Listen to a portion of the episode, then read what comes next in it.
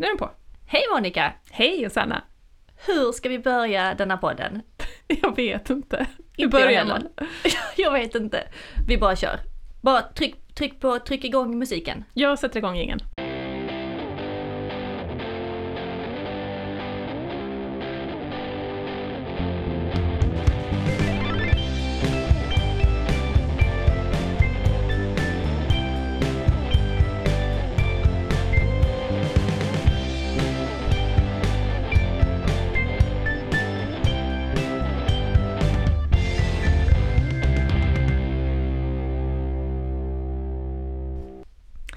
Hej allihopa och välkommen till den nya Funkispodden Kaos, kärlek och koffein med mig Monica Bergeneck. Och mig Josanna Österlin. Får nästan börja och tacka för all support vi har fått sen vi berättade på Instagram att vi skulle göra det här. Eh, tack eh, till min vän och kollega Erik Hjortek för de här snygga poddbilderna som du har gjort till oss. Och tack Linus Mattsson som har gjort vår grymma jingel. Linus som har kontot Linus pratar på Instagram som eh, är superintressant om vi båda två följer. Så in och följ honom ni också. Och sist men inte minst ett stort tack till våra familjer som kommer släppa iväg oss en gång i veckan. Vi är helt nybörjare på detta Monica. Verkligen. Vi har ingen erfarenhet av att podda förut. Nope. Fast du har ju det. Ja, jag var med i ett avsnitt av Funkishörnan. Som jag älskade. Kul. Ja. Och jag fick mer smak. Och jag kände också att jag lämnade min comfort zone och tyckte att det var jätteroligt. Så, nu ska vi alltså göra en podd tillsammans. Yes! Och vi känner inte varandra. Nej, faktiskt inte. Det är lite som att köpa grisen i säcken. Verkligen. Det kan sluta hur som helst detta. Ja. Så vi ska både lära oss att podda Ja. och vi ska lära känna varandra. Yes. Och detta kommer bli en spännande resa. Och vill ni följa den resan och få en liten hint om när vi släpper ett avsnitt så följer ni oss på Instagram. Kaos, understreck, karlek, understreck och understreck koffein. Världens jobbigaste Instagramnamn. Dåligt Instagramnamn, men så fick det bli. Det är ju ett fantastiskt bra funkispoddnamn, för vi Mm. satt ju och funderade så här, ja men försökte hitta liksom kärnan i funkislivet, i några ord som kunde liksom ringa in det. Kaos, kärlek och koffein. Och lite vin.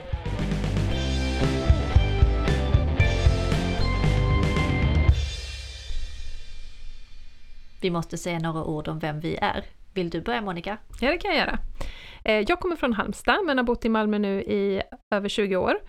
Eh, 43, snart 44. Eh, sjuksköterska, men jobbar som vårdutvecklare på Skånes universitetssjukhus. Skriver mycket på fritiden, har skrivit den här boken Marionettmamman, från novis till expert som NPF-förälder. Gift med Joakim, och så har vi två barn. Hanna som är 13 år och Linus som är 10 år. Och det är Linus som gör mig till stolt funkismamma. Han har autism, eh, ADHD, epilepsi och lindrig intellektuell funktionsnedsättning. Jag heter Josanna Österlin och är 39 år gammal. Född nere i Skanör i Skåne och uppvuxen i Göteborg, Malmö och i Italien. Nu så arbetar jag som sjuksköterska i hemsjukvården och älskar mitt yrke. Älskar att cykla runt till mina patienter och den friheten det innebär. Jag är gift med Attila och tillsammans har vi tre barn. Julie som är 10 år gammal, August är 8 och lille vilde bebin Elliot som är 10 månader. Det är tack vare August som jag inte bara är mamma utan även en funkismamma. För August har diagnoserna CP-skada, intellektuell funktionsnedsättning, autism och epilepsi. Vi har så många bra anledningar till att göra den här podden. Verkligen. Vi brinner båda för att öka kunskap och förståelse för de här barnen, brett ut i samhället. Allt från de som möter oss eh, på lekplatsen eller i mataffären. Till de som möter oss i sin profession, både inom sjukvården och inom skolan. Men även handläggare, utredare, tänk alla på Försäkringskassan. Exakt, LSS-handläggare. Åh herregud, Det blir nog bra det här. det blir det. Sen tycker jag det ska bli så bara otroligt roligt. Alltså det är som en hobby och egen tid att få göra det här en gång i veckan i den här jättemysiga lilla studion. Eller hur? Och det finns ju ingen bättre terapi än att få sitta och prata med en annan funkismamma. Som vet precis hur det är. Precis. Ja, så, så det blir bra. Oavsett om ingen lyssnar så kommer vi ha roligt, det tror jag. Okej, ska vi berätta lite hur vi har tänkt upplägget med podden? Eh, vi har en gemensam favoritpodd i Funkismorsorna och de gjorde faktiskt något bra när de började. De körde ju ett avsnitt per barn och familj där de fick introducera sig lite mer på djupet med diagnosresan och så. Eh, och jag tror att man behöver göra det för att annars blir det vi kommer berätta bara taget ur sitt sammanhang. Så Still with Pride, vi, vi tar det konceptet. Det så att, vi. eh, vi kommer börja med Linus avsnitt, Agges avsnitt och sen kommer vi över till liksom hur vi har tänkt att podden ska vara upplagd. Vi kommer släppa ett avsnitt i veckan. Då kommer vi gå igenom veckan som varit. Vi kommer gå igenom veckans topp och veckans dipp. Och vi kommer ta en veckans fråga. Och veckans fråga är sånt som ni kan skicka in. Det kan vara frågor direkt till någon av oss eller till båda. Det kan vara en fråga om ett problem ni har eh, eller hur vi ser på en fråga eller på ett problem. Eh, alla svar är helt ovetenskapliga, det är bara våra egna reflektioner. Eh, och ni skickar in dem via Instagram och meddelanden. Och vi har ju redan fått in några frågor Monica. Ja, det har vi. Ska vi inte ta en av dem redan nu? Ja, men det gör vi. Vi kör.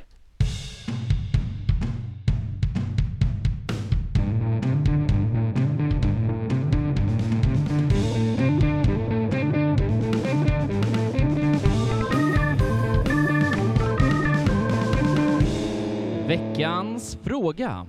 Och eh, den första frågan som vi har fått in handlar om när mor eller farföräldrar vill passa eh, funkisbarnet och tycker själv att det går bra. Men när man som förälder känner att det här funkar inte längre, det känns inte bra, man kan inte slappna av, vad man ska göra. Har du någon erfarenhet av det Josanna?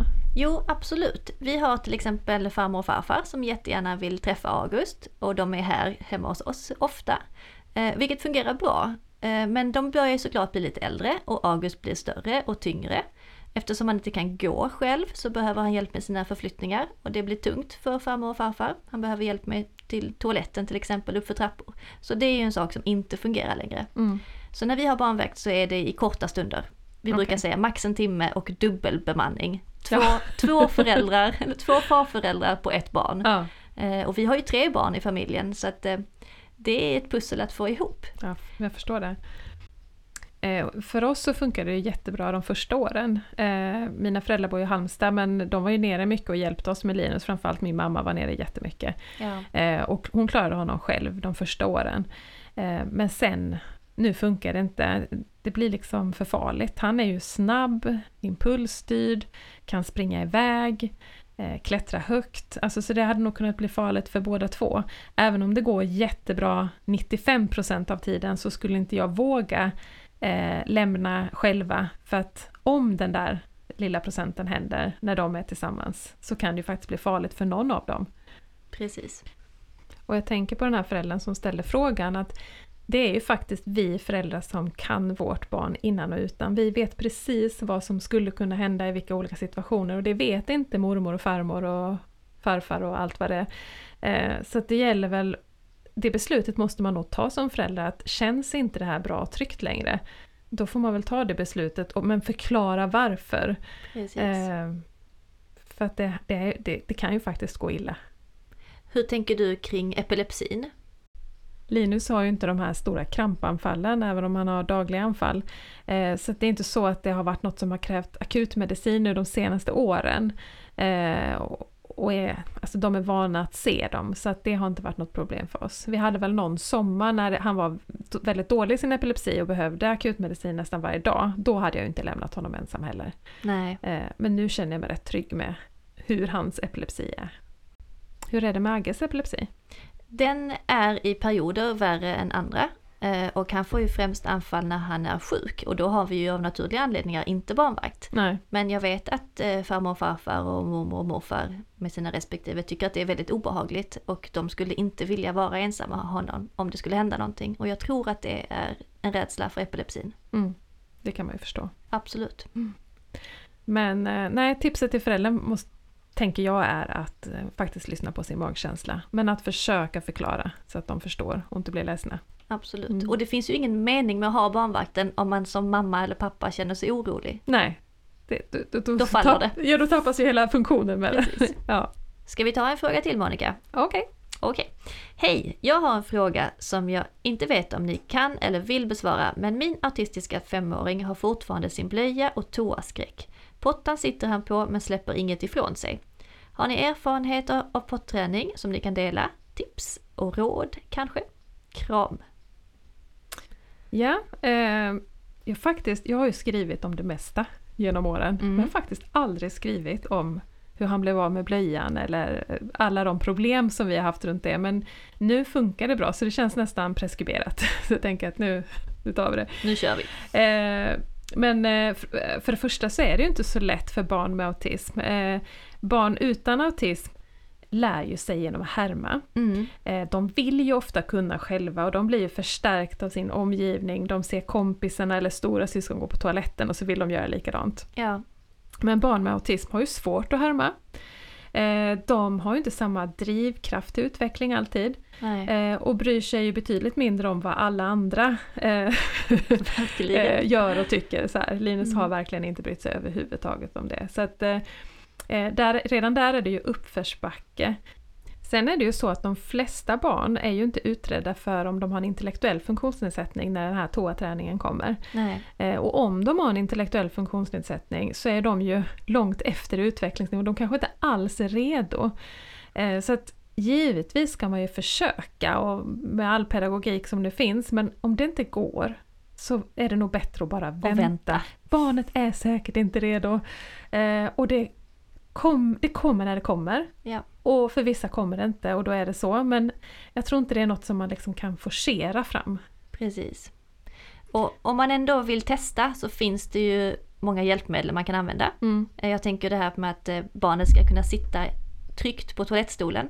Mm. Ni använder en potta, men man kan också ha hjälpmedel kring toalettstolen med armstöd, man kan använda en toalettring istället och en pall under fötterna. Det hade vi till Linus. Ja, ja det är jättefiffigt för då sitter de skönt och i en bra position. exakt. Eh, Man kan också använda olika förstärkningar, Mm. till exempel när barnet har suttit på toaletten en stund, att man kan få ett klistermärke, det finns bajsböcker, det finns eh, massa roliga små klistermärken och andra små Vi hade ju en sån här kiss och bajstavla där eh, han fick sätta en katt varje gång han hade kissat, Ja. klistermärke, och en ko varje gång han hade bajsat. Men det var väl typ kul i två dagar, sen Jo precis, men man får testa sig fram Precis, lite. ja. Ja, För någon funkar det. precis. Mm. Ett annat tips är att se över kosten för barnet, eh, se att barnet inte är förstoppat. Eh, man kan testa sig fram av olika laxerande matvaror. Eh, banan, eh, blåbär, mindre eller mer fiber, mer eller mindre vatten. Nej, inte mindre vatten ska vi inte ha. Nej, Nej, nej. det ska vi nog mer inte ha. vatten. Två sjuksköterskor, Ja, drick mindre vatten. Drick mer vatten, Ja. rör på barnet, eh, testa med ett varmt bad, eh, ha en fin miljö i badrummet, kanske sätta på lite musik. Och ett jätteviktigt tips är att hålla sig till rutinerna. Kanske sätta barnet på toaletten eh, efter måltid, Mm. efter lunchen, efter frukosten. Mm. Så att barnet vet vad som väntar. Mm. Nu lät det här jättebra men eh, inget av det funkade för oss kan jag säga. Testade väl allting så lite grann men eh, eh, nej, inga förstärkare funkar, inga rutiner funkade. Han tyckte ju liksom att allt nytt är obehagligt så han ville inte gå på toaletten. Så att ofta fick jag inte ens honom dit. Eh, så att han hade ju faktiskt blöja när han började skolan när han var Mm. sex och ett halvt år. Men hans Det- lärare lyckades nå honom. Så på en månad från att han började särskolan så var han blöjfri.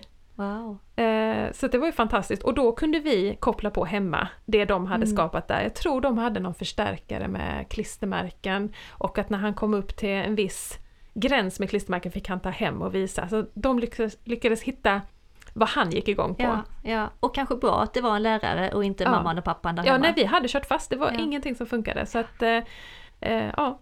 Sen följde ju några år av mycket olyckor. Ja. Väldigt mycket olyckor. Och, eh, men det förklarade väl läkaren med att det är inte säkert att blåsan var riktigt mogen och att han var riktigt mogen det här att tolka signalen och förstå vad han känner.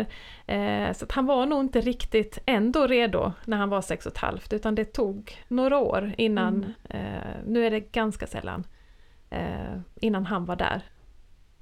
Det är ju så olika med våra barn. Mm. Det är inte så att alla barn med autism är lika varandra. Du har ett bra exempel, jag blev chockad när jag hörde om Agge. August som har varit sen i allt Ja. var väldigt tidig med att eh, sluta med blöja. Ja, Han slutade över en natt och det har inte hänt en enda olycka sedan dess Nej. i princip. Jo, någon gång okej när han sitter och leker och är väldigt inne i leken att han inte orkar gå och kissa och kissa i byxan istället. ja, Men det är liksom ett ganska medvetet val. ja. Eh, Så vi har inte haft några problem med någon Och hur gammal var han? Han var ett och ett halvt. Ja, det är helt slutade. otroligt. Det är liksom Ja. tidigare än andra barn. Ja, eller Ja. hur? Men jag tror att det har mycket med, med vanor att göra. Mm. Vi hade tydliga rutiner då. Mm. Och han sätter sina rutiner väldigt snabbt. Mm. Och han älskar att sitta på toaletten nu August. Ja, när han vill vara i fred så säger han att han vill gå på toaletten och då sitter han där länge och väl. Ja. Ja, ja det, är, det är härligt. Ja. Vi hade problem på andra hållet. Linus, eh, han fastnar ju ofta vid Alltså eh, när någonting händer så fastnar han att det blir rutin. Så Mm. även när han då råkade kissa på sig så blev det sen en fixering. Just det. Så att vi hade ju, om det var ett helt år tror jag där när han var så här 8-9, när han liksom gick med flit och kissade på sig överallt. Aj, aj. Och det var frustrerande, när Ja. man visste så att det här gjorde du med flit. Eh, och jag förstår att det, det är ju krafter som han inte kunde styra över men eh, var, då var tålamodet, och man var på spänn hela tiden Ja. hemma. Eh, var, fick hela tiden ha koll på var han gick, så inte han gick och ställde sig och kissade på lite samma platser hela tiden i lägenheten. Vid skorna, någon matta och så. Åh nej. Därför vi har en sån vad heter, ångmaskin hemma. Ja. Men ja, ja. man vet när, när det är en jobbig period så vet man alltid att det kommer gå över. Det ja, kommer något nytt, verkligen. men det går över. Nu blev det här en kiss och bajspodd i Ja. första avsnittet, Ja. men det gör ingenting. Hur hamnade vi där? Men vi tänker faktiskt så här att eh, vissa sådana här saker där inte vi har jättemycket erfarenhet egentligen, det var inte så mycket av detta som vi har gjort själva. Eh, där kan vi starta en tråd på Instagram, att Ja. vi lägger ut en bild där med veckans fråga då, toaletträning. Och så tror jag att säkert flera av er som lyssnar har mycket bättre tips eller kanske har gjort det vi har sagt och att det faktiskt har funkat. Jättebra Eh, idé. Så att eh, vi lägger ut en bild och så kan ni, får ni hjälpas åt att svara istället. Precis. Ja. Funkisföräldrar emellan. Precis. Så fortsätt gärna skicka in eh, fler frågor till oss. Vi tyckte det var superroligt att svara på det. Ja. Det kanske är dags att runda av. ja men jag tycker det. Detta är ändå en pilot. Ja, och det här Ja. har typ tagit oss åtta timmar att spela in detta. Vi har skrattat så att vi nästan har kissat i byxan själva. Alltså det var faktiskt oväntat svårt, men vi sa det, det är som att man blir medveten om varenda ord man säger. Ja. Ni får ge oss tid. Ja, Det kommer bli bättre, kommer bli bättre flow. yes. Så vi ses om en vecka igen. Det gör vi. Och då ska ni få ha ett helt avsnitt om August och hans... Eh, Ja, diagnosresa. ja. Tills idag. nu är vi trötta. Nu är vi Eh, trötta. Jag tycker det ska bli jättespännande för jag, eftersom inte vi känner varandra så känner jag inte heller till er resa, men jag har förstått att det har varit lite speciellt att han fick sina diagnoser ganska sent, trots Ja. att han faktiskt har ganska stora svårigheter. Precis. Eh, så att, ja, nej, jag ser verkligen fram emot att få höra lite mer om det. Ja, det ska bli roligt att berätta. Mm. Men då säger vi så för den här gången. Ja, tack så mycket, så kul detta var. Det var det verkligen. Ses och hörs nästa vecka. Det gör vi. Hej då! Hej då!